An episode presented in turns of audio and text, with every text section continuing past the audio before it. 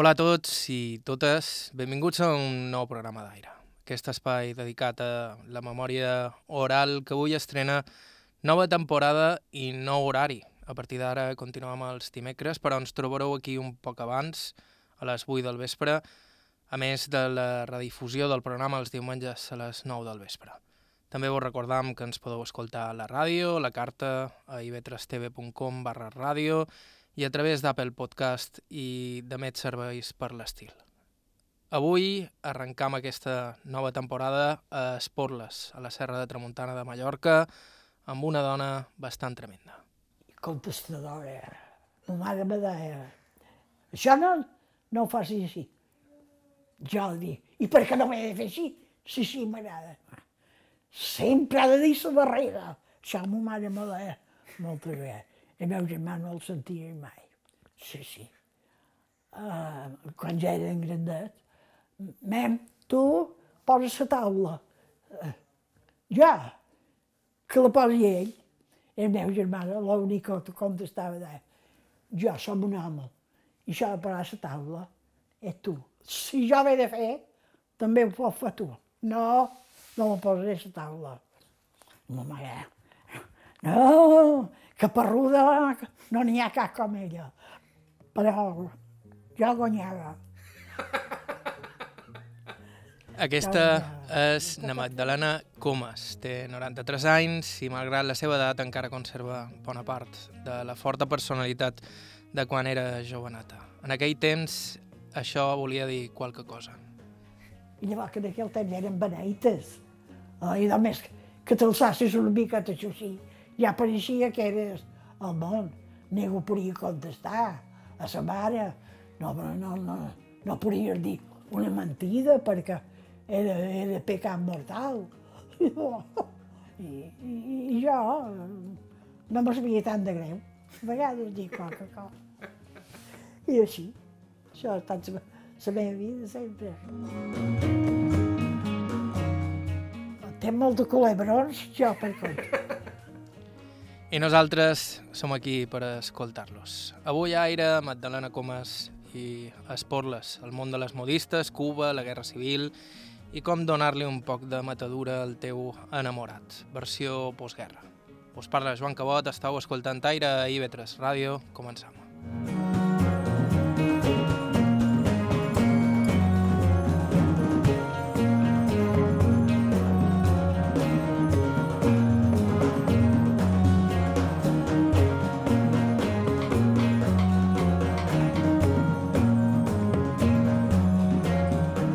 per no perdre el costum, el primer de tot, les presentacions. El meu nom complet és Magdalena Comas Ferran. Quin dia vareu néixer? Dia 13 de gener, Quin any? el 26, en aquesta casa.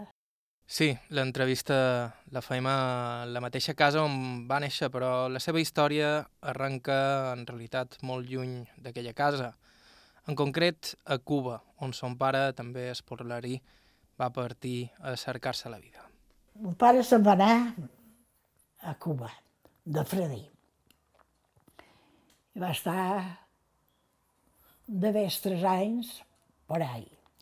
I a Cuba el que feien, i el meu sogre també se'n va anar a Cuba, però el meu sogre se'n va anar que ja era casat. El que feien és que se n'anaven a Cuba, que feien o se feien amb un carritó ambulant, amb dos quilos de, de pomes i de plàtanos, i allà se feien la vida.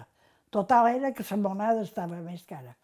O anaven a fer de, carbo, de carboners, que en aquell temps feia carboners i llenya, que no hi havia botana, no hi havia res de tot això, tot era llenya.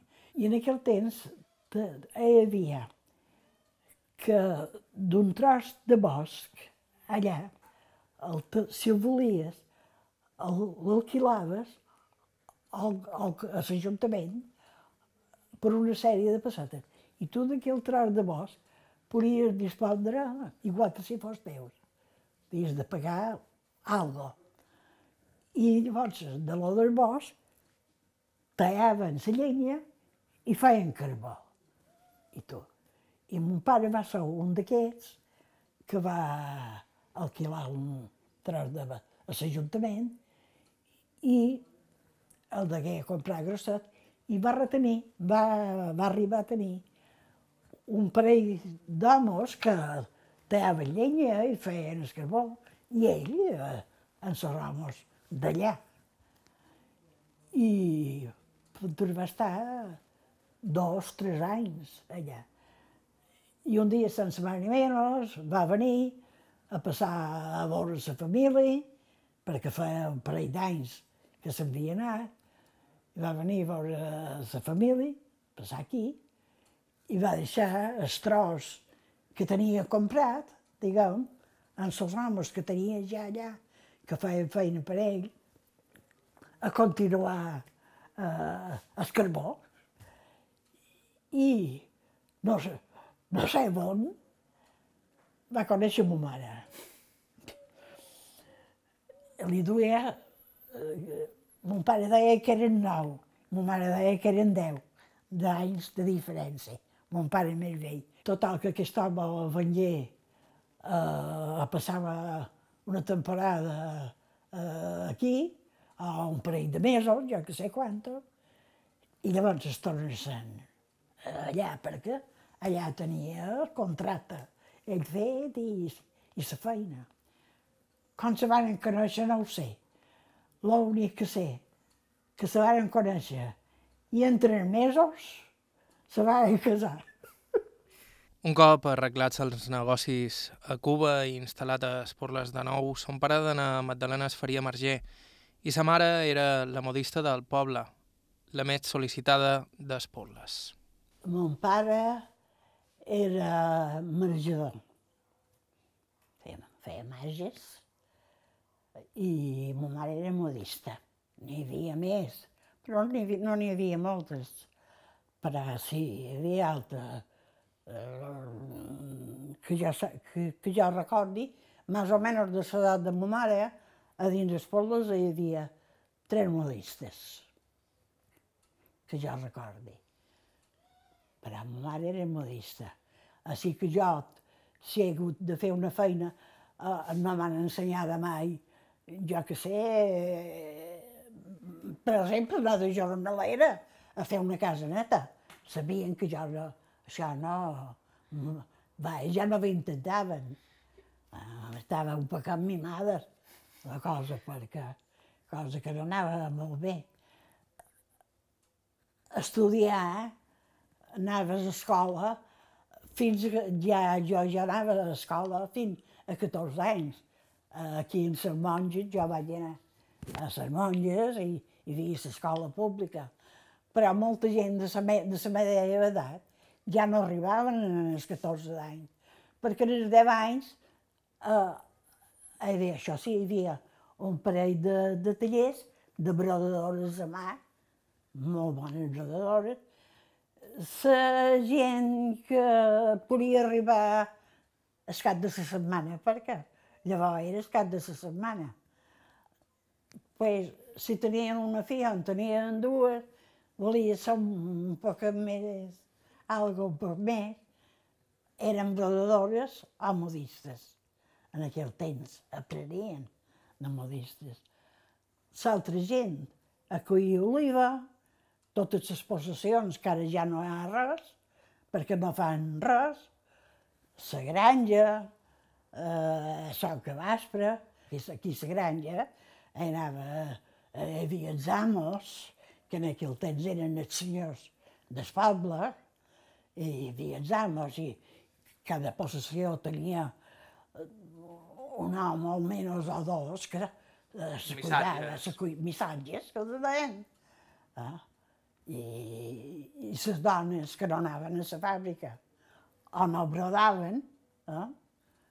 a les temporades d'oliva, a collir oliva, a Sant Cabastre collien més, feien oli també, feien oli, i a collir oliva, i com que va l'oliva ja venien les moles i, i quan acabaven les moles venien eh, les garroves i punt tot.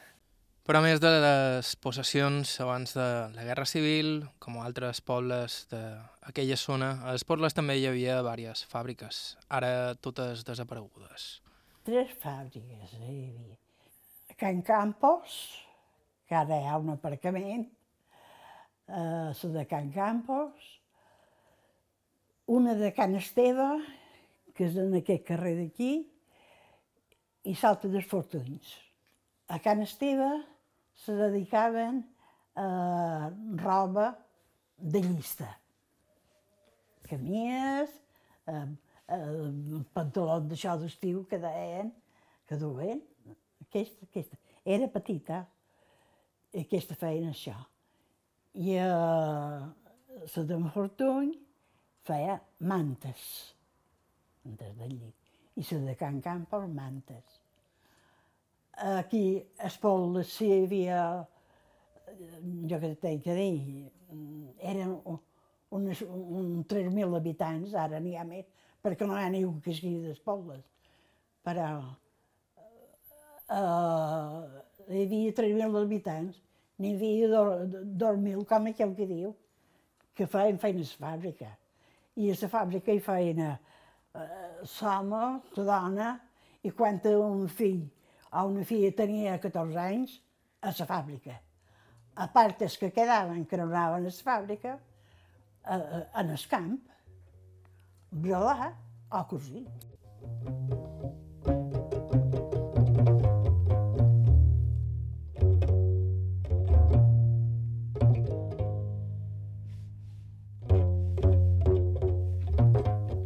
També la mare de na Magdalena Comas es dedicava a la roba. La modista estava considerat una feina amb cert prestigi. A més, la mare de na Magdalena era una dona adelantada als seus temps en cert ull tant pel negoci com per la moda. En aquells anys, baixar a ciutat era poc habitual, però ella aprofitava cada temporada per comprar-hi gènere que després feia servir en els seus dissenys. També anàvem a Palma dues o tres vegades de temporada a eh, primavera, a temporada de, de, de l'estiu, eh, aprofitava jo amb ma mare, com ella feia, quan jo feia feina amb ella, i ma mare era el carregador una, una merceria i venia carregada de, de botons, cibelles, eh, un temps eh, tots els trajes venien amb un, d'home venint amb un guardapits, un guardapit dur, una civelleta darrere, botonets aquells, i tot això, ma mare venia carregada. Aquí hi havia una merceria, hi havia una merceria que venien, però la merceria aquesta duia una classe de botons vermells i uns altres verds i punta. I si hi havia deu vestits eh, dins les pobles que se feia en aquella fetge, deu vestits que duien mateixos botons. I posta ma mare tenia el sistema d'anar cada temporadeta i més o menys duia el que necessitava. La inspiració en aquells temps venia de les revistes que es compraven i els figurins, a partir dels quals els clients triaven la peça de roba que volien. En aquell temps li deien figurins, figurins i te venia tota la revista, eh, com era qualsevol revista que, que també, um, jo què sé, un abric o tu pots mirar. I, I a més, hi havia també revistes que te duen, hombre, la revista Pintura tenia 20 modelos diferents. I la gent quan venia, que te duia la roba a comprar, eh? que mira la revista i si tens eh, cap model que t'agrada, tu me diu, vull aquest. I ma mare fa aquest. Així s'arreglava. A més de, de les revistes aquestes, hi havia diverses revistes que a dins la revista te duen, per exemple, la revista tenia 20 models i tenien un paper gros, i t'ho duien marcat per com ho havies de terra, saps? Per un o dos. I això jo he fet. molta cosa. La meva filla, fins, fins ara, perquè tot ho compren fet, i per jo també. Ara, per altres no he fet ningú mai, eh?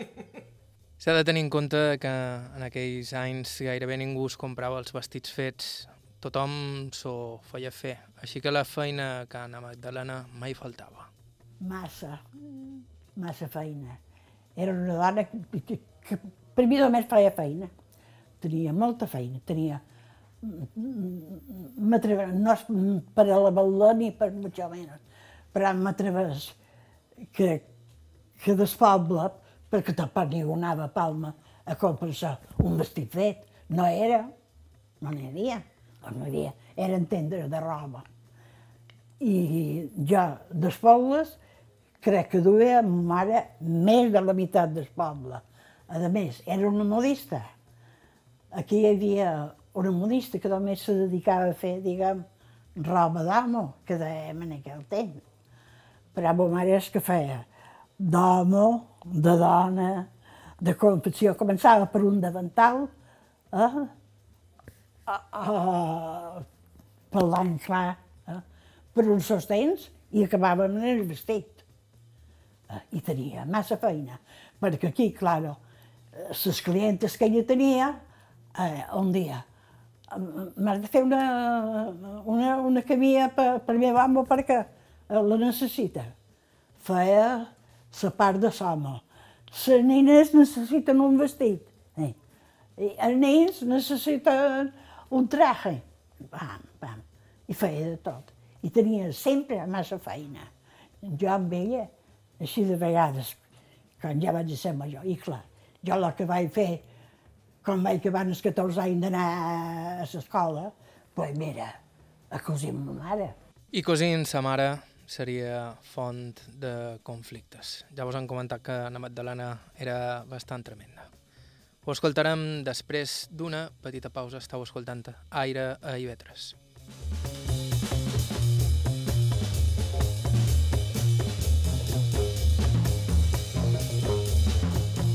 A Ivetres Ràdio Aire.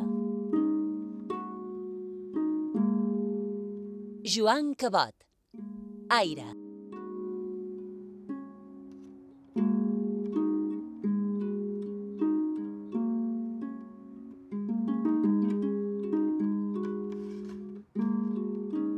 Hola de nou, estàu escoltant Aire i Vetres Ràdio, un programa dedicat a la nostra memòria col·lectiva a partir de la memòria particular dels nostres entrevistats. Reprenem el programa d'avui amb Magdalena Comas, esportlerina de 93 anys de protagonista. Acabam de sentir com la Magdalena ens explicava que son pare era marger, sa mare modista, ella va començar a fer feina amb sa mare, tot i que des de petita tenia un petit defecte un braç, un defecte que encara avui dia li costa aixecar aquest mateix braç. I és que de petita, als 4 anys, na Magdalena va estar malalta. En concret va contraure la polio, una malaltia per a la qual en aquells temps no hi havia tractaments. Oh, això del braç és una malaltia... Bueno, ara se diria per exemple, polio. En el meu temps, quan jo me va pegar aquesta malaltia, sempre s'ha dit un, un malaire. I això ja ho ressec des de quatre anys. Un vespre qualsevol eh, me van donar llit perquè, com t'he dit, tenia quatre anys. Entonces, de matí, quan varen venir a aixecar-me, va, me van aixecar amb aquest braç, veus, ara ja no puc alçar més. Així, i, i com me vestien, així, se va me caer tot això. Què passa, què passa, què passa? Me van donar un metge, un metge que només, en aquell temps només recetaven oli de racino i curades pels constipats. Bueno, això és un mal aire, això és un mal aire. I com jo, hi va haver quatre nins que més o menys no mos guanyaven d'un any. Un tenia quatre, l'altre en tenia quatre i mig. Jo, que les coneixia perquè els pobles era molt petit i tothom se coneixia. pues, eh, una veïnada meva, una veïnada nostra, que estava frente en frente, de la mateixa edat meva, eh? se va aixecar aquest mateix dia eh, amb, amb una mà així. No podia allargar dits, no, no podia quasi, quasi agafar res. I una altra nina també, de la mateixa edat, també en sa mà. Un nen en sa peu coix. Anava coix perquè... I jo, el braç, a tots aquests, sí. I un malaire, un malaire era. I què he de fer? Massatge, massatge i punta. Però jo duia el braç que no l'aixecava per res. Eh, aquestes nenes agafaven així com podien. I na Magdalena, dins el que cap, va tenir un poc de sort. Un cosí de son pare que els visitava habitualment va intercedir perquè pogués ser tractada a Barcelona. L'únic que jo he tingut d'avantatge és que aquí, un cosí de mon pare, un cosí de mon pare que vivia a Barcelona, un any venia aquí de, vac de vacacions, va venir aquí i va trobar, me va trobar jo eh, d'aquesta manera. I per via d'aquest tio, li va dir, diu, Tomeu, diu, aquesta nina, diu, i què, què li passa? Diu, però un medicament d'una manera o l'altra. No, te diuen que no poden fer res més, li anan donant missatge, eh, un pot de calç pels ossos i punto, nada más. Diu, aquesta nina l'ha de dur a Barcelona. Diu, a l'Hospital de, de Sant Pau. Diu, allà hi ha metges de tota classe.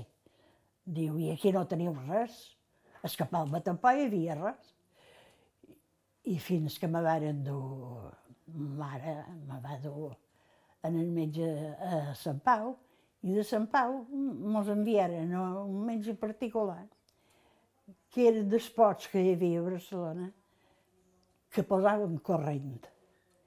I jo, pues, en la corrent, aquesta, me varen posar, vàrem estar, puntura, 15 dies a, a Barcelona per acá. Ma mare tenia les feines aquí, eh, amb una frau, amb un germà que tenia i son pare i mon pare. I en la corrent, el que van aconseguir és que de dur sempre el braç per avall, eh, vaig, vaig arribar, però veus, ara si l'he dels així. Ara sí, puc fer qualsevol cosa, però si l'he dels així, ja no puc. I això és el que arribarem a aconseguir, de lo de més. Fins que anàrem un parell d'anys, perquè ma mare tot l'any no podíem estar allà. Tres anys hi vaig anar. Fins el mateix metge me va dir, eh, el meu pare va dir, mira, diu, ara la corrent, diu, de lo que li han arribat a aconseguir, ja no podem fer res més. Passatges, banyos, si té, diu, vostès, que estan a Mallorca, me recorda, me recorda perquè això vaig sentir contar ma mare 50 vegades. Eh, diu, Mallorca, que té tanta, tanta playa, tant d'aigua, banyos eh, li ha de donar, diu. I no li ha de, no ha d'anar mai a dir han d'anar a prendre un bany dues hores a dins l'aigua. No. Banyo. Un banyo, un quart, 20 minuts d'aigua a de fora i un quart de sol. Diu, és l'únic que podem fer ja amb ell. Tot el que els altres feien en la mà dreta, jo en la mà esquerra. Però, com que queixa, per aguantar o per, sempre li ha anat bé, i això és el que, jo, el que feia.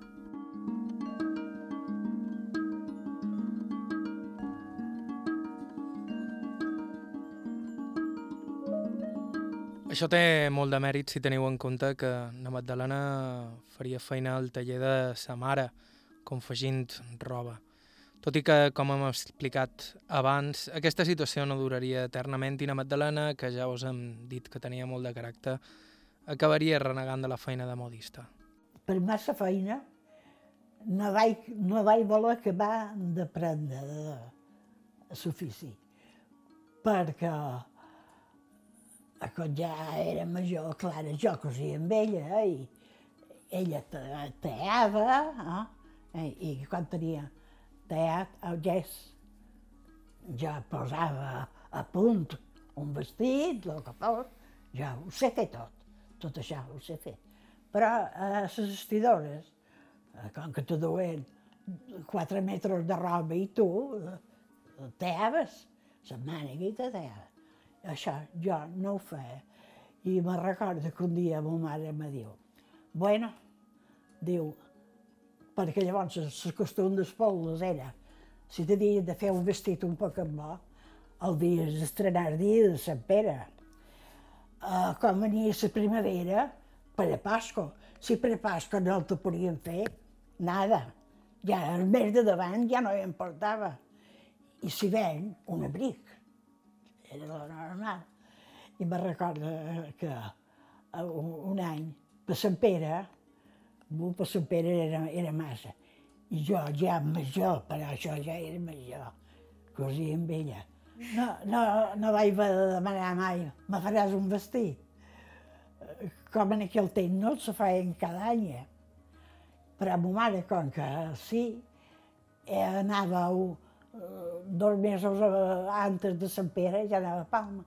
Aquí ja hi havia moltes clientes d'ella. Catalina, que no aniràs a Palma? Uh, sí, sí, hi aniré. Ai, de quan hi vagis, mm, en el teu gust, me compres, compres un tros de roba perquè he de fer un vestit a la meva nina. O la major, o la petita, o el que, el que fa. I efectivament tenia una feinada. Entonces, i és vera que anava a Palma. Jo ja de major, au, uh, bueno, ara anirem a Palma i comprem el que sigui. Ja sempre me recordo que anàvem a una tenda que li deien Can Salvà, de roba, el carrer Colón, i ja sempre la servia mateix dependent. I a mateix dependent li servia eh, tot això de la roba, entonces li deia, uh, Catalina, pues uh, ara hi ha un parell de, de cortes, perquè duen unes peces grosses, hi ha un parell de cortes que no arriben a els 4 metres que és el que se solen dur per un vestit. Són pensa tres mesos i mig.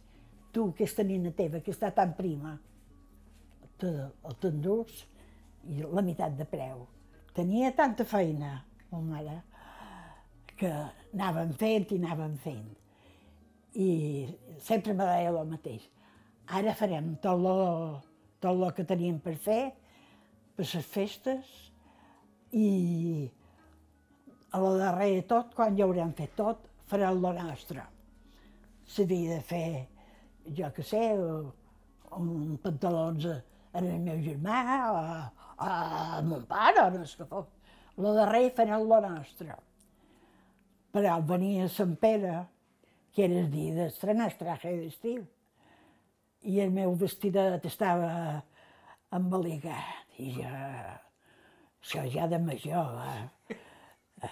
una rabiada, una rabiada, eh, total. Jo he duit moltes vegades un vestit, i el dissabte de Sant Pere, claro, a les verbenes, les festes del poble, Entonces, eh, te pots anar, ja estàs, ja, ja, ja, ja, ja està.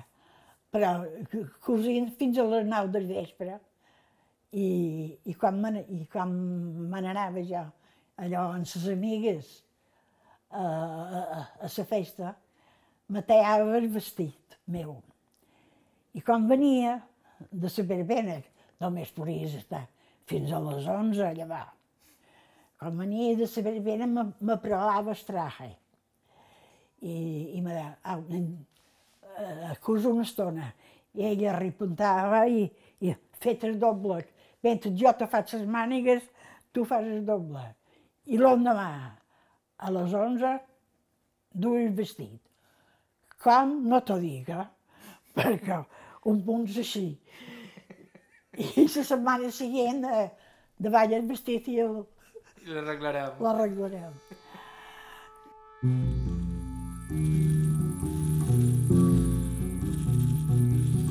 I un any ella me va dir, eh, després de les festes, me diu, ara que ja ha passat tot això, diu, mira, diu, eh, jo tinc un, un tros de roba per fer-me, un temps els deien, una bata per tu, per dins de casa, per ella.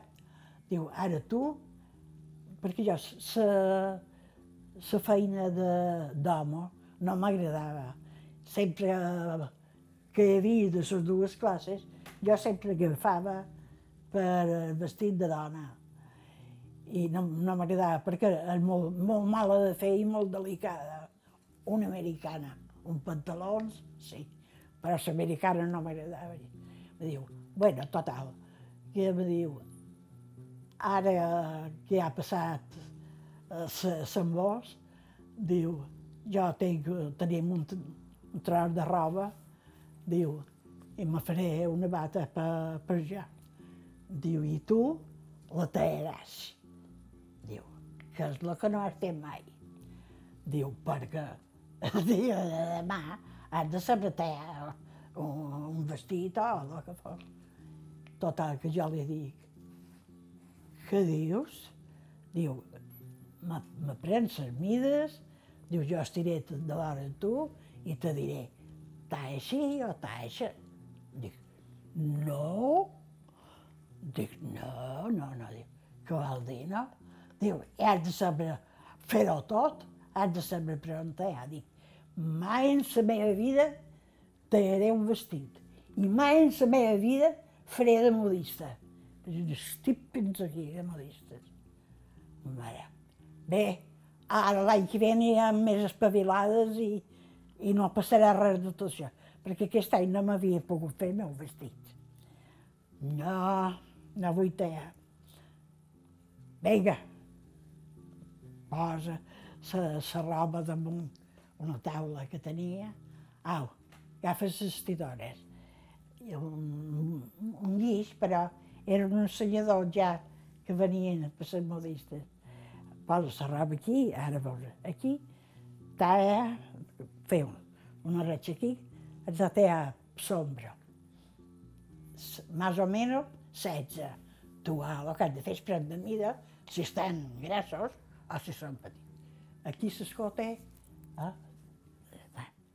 I llavors està, és el que has marcat. No. No. Vinga.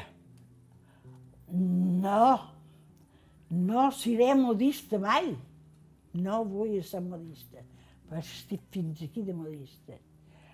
La qüestió, ella sí, jo no, jo no. Sempre cosia a una habitació de, de, de voz centrada i mon pare aquí, assegut. Mos sentia sí, no, sí, no. I, i a la fi ma mare se va impacientar, diu, és que ets caparruda, fins que aconsegueixes el que te va plam. I jo, tot exaltada, dic, me fareu pegar fins que vulgueu, però jo estidores no en agafaré. Fins que mon pare, quan va sentir això, se va aixecar, diu, què passa? Que, que fa una hora que vos sent, diu. I què te penses? Diu, ara que la volia ens, eh, ensenyar de, de terra, diu, ara diu que no vol ser modista, que no vol aprendre. Diu, penturera dia de demà, si te cases, te farà falta eh, es podrà guanyar una, una passeta. Dic, escolta, dic jo, si no, si fas vestits, m'aniré al jornal a fregar escales, quan només dic que no m'hauré d'enfilar. però el modista no ho seré. No vaig voler aprendre de te. Eh? Mon pare, com me va sentir jo, diu, Catalina, pau, oh, no dormiré un mes, i si a casa hi ha de m'estar una passeta, ja s'arreglarà. I aquí que vàrem, però som modista, ara bé, de modista n'he fet molts, perquè més o menys jo, junt de voler eh, més arriscada, ara bé, si jo m'havia de fer un, un traje de, de, de, de, de fantasia, es, esperava ara ja comprar-lo fet.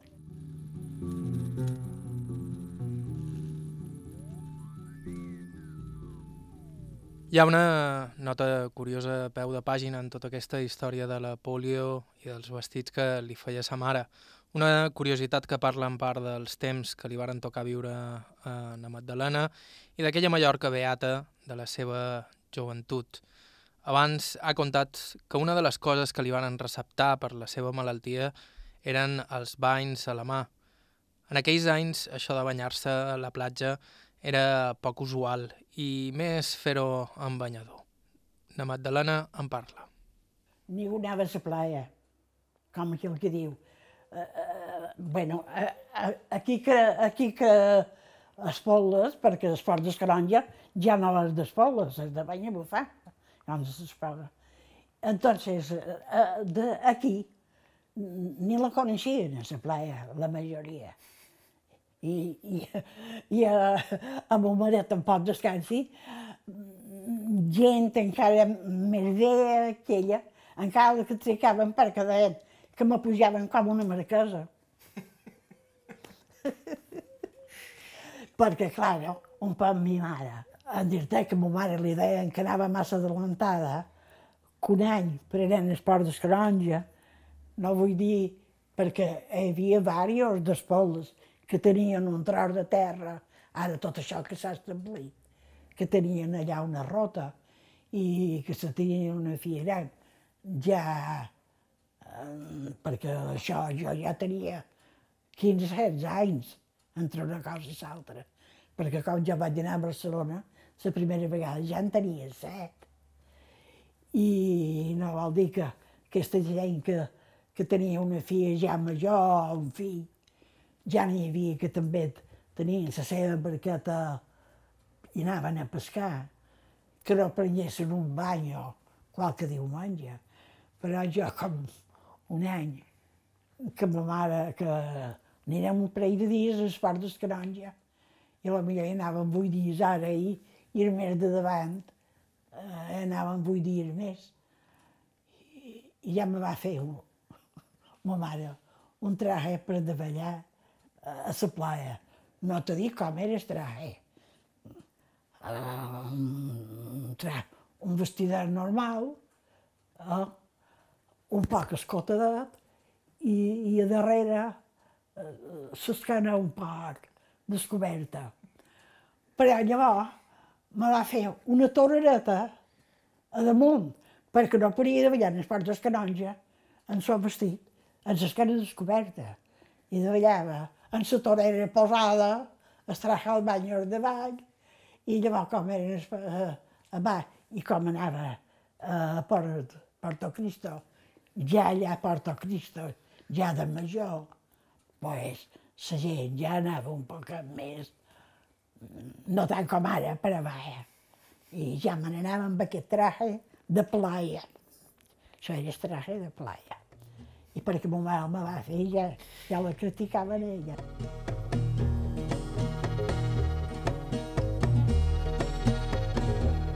Era Magdalena Comas Ferrà, nascuda a Esporles l'any 1926. Estau escoltant Aire, això és IB3 Ràdio, fem una petita pausa i continuem.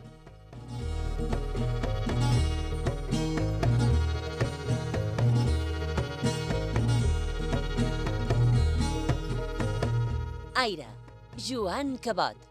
IB3 Ràdio.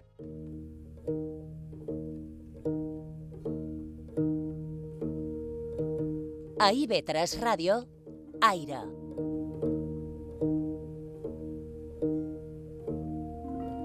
Reprenem el programa d'avui, estàu escoltant Aire, i nosaltres estem sentint la vida i miracles de Magdalena Comas Ferrà, d'Esporles, 93 anys, i una personalitat increïble.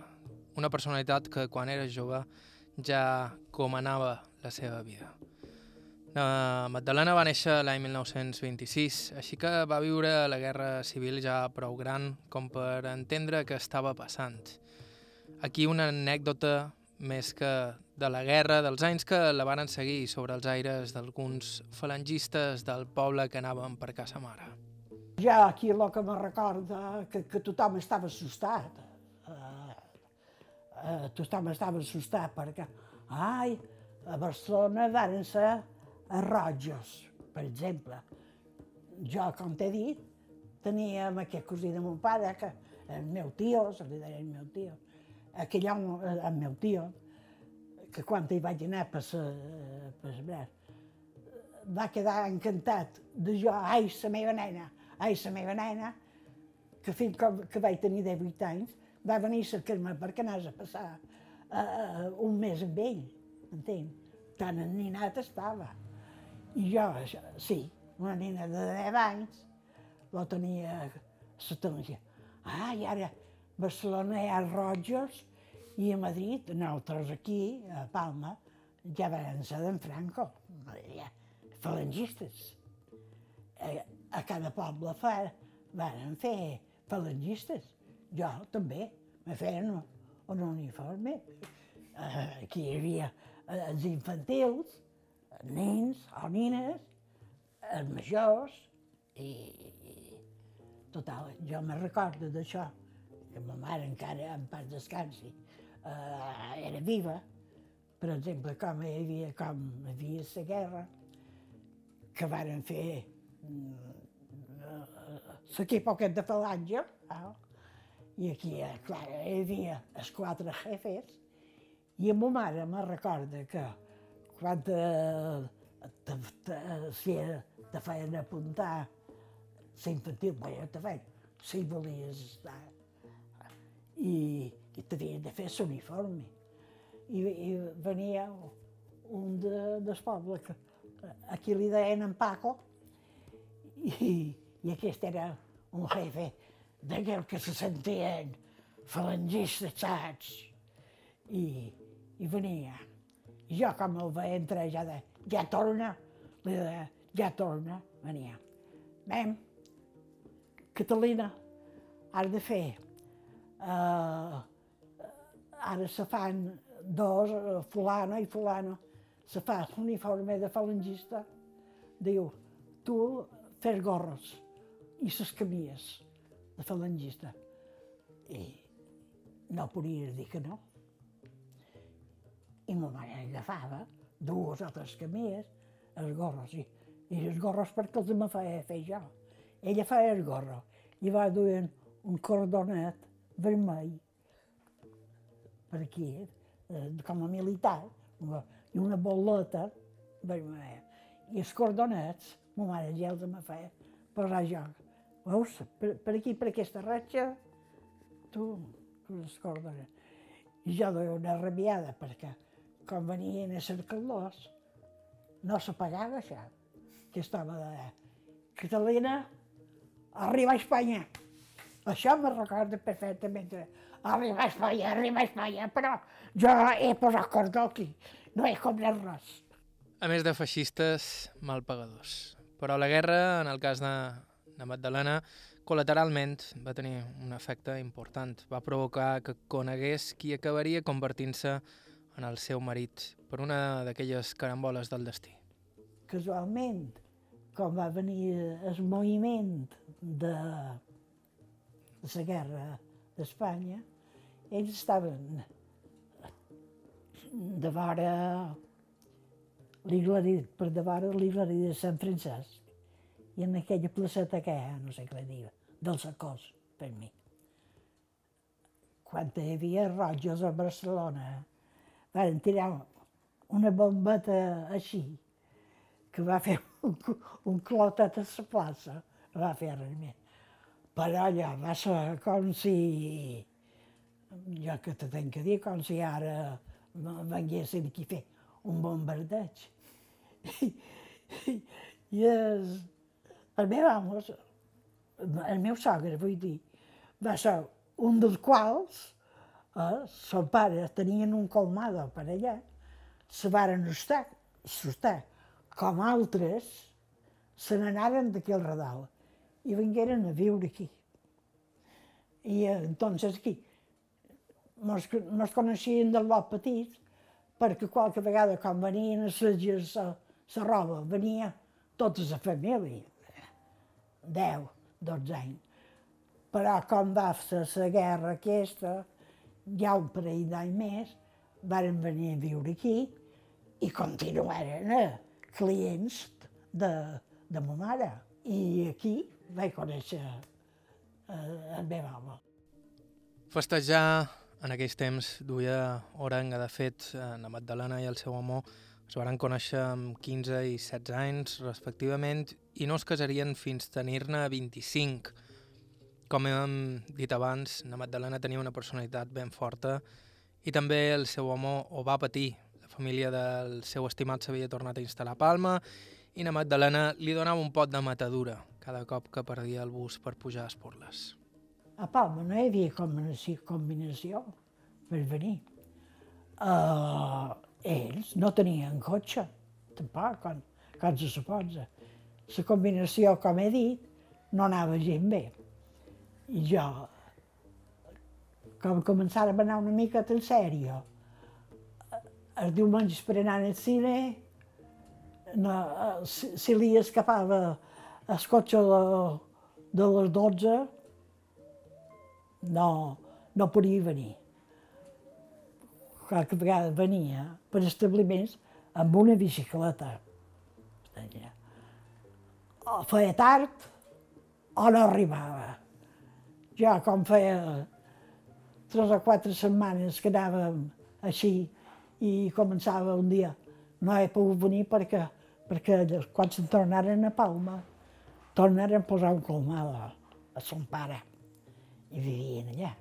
Eh, tampoc no tancaven els dissabtes a l'Escolmado, ni els diumenges. Tenien obert fins a les 3. No podia agafar el cotxe que pujar. Sempre arribava tard. I jo, com feia dues o tres vegades que arribava tard, eh, que diumenge no importa venguis, eh, perquè no en trobaràs. Punta. Bé, és que no he pogut perquè que diumenge que no importa que venguis. Uh, això perquè anàvem així. I no. I si venia, no en trobava. Així passàrem un parell d'anys. Eh? I fins a, d'haver de set anys, fins a 20.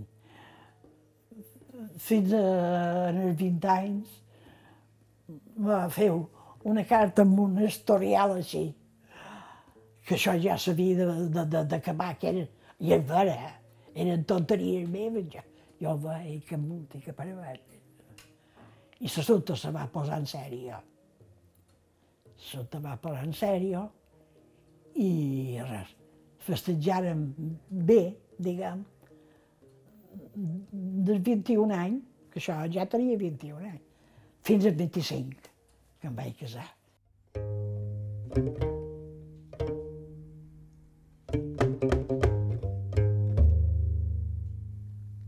Tremenda, com vos han dit.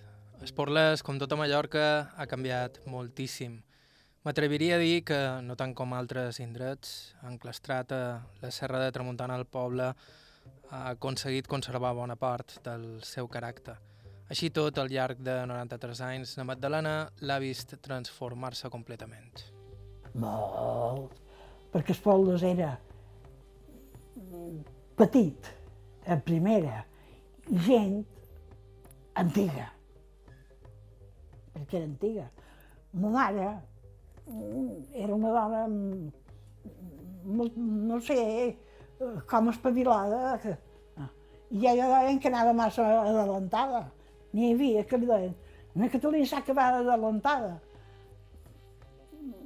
Total, una, una comparança aquí, una paella, li deien sec, i no hi havia ningú que havia menjat paella mai I ma mare ja feia paelles. No t'ho dic com. Era ben igual que fer un arròs brut, el que no posava sense... No, hi posava brau. Tant de brau. Total. I perquè ma mare feia arròs sec, i ella s'ha acabat d'adelantada, no sé d'on n'has de pres.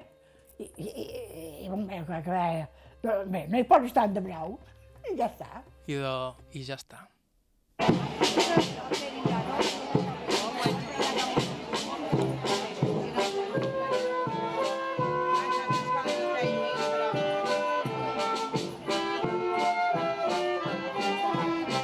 Ja que érem a Esporles, acabam amb La filadora, una cançó que recentment han recuperat i que és tradicional d'Espoble.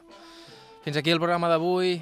Nosaltres tornem la setmana que ve. Vos recordam que estrenam nou horari dimecres a les 8 i diumenges redifusió a les 9 del vespre.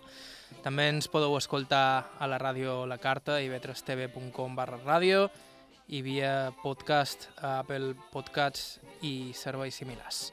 El nostre correu és aire.ivetresradio.com i també ens podeu trobar a Facebook i Instagram Bàrbara Ferrer i Margalida Mateu la producció executiva, Miqui Fiol a la producció tècnica, vos ha parlat Joan Cabot. Fins la setmana que ve.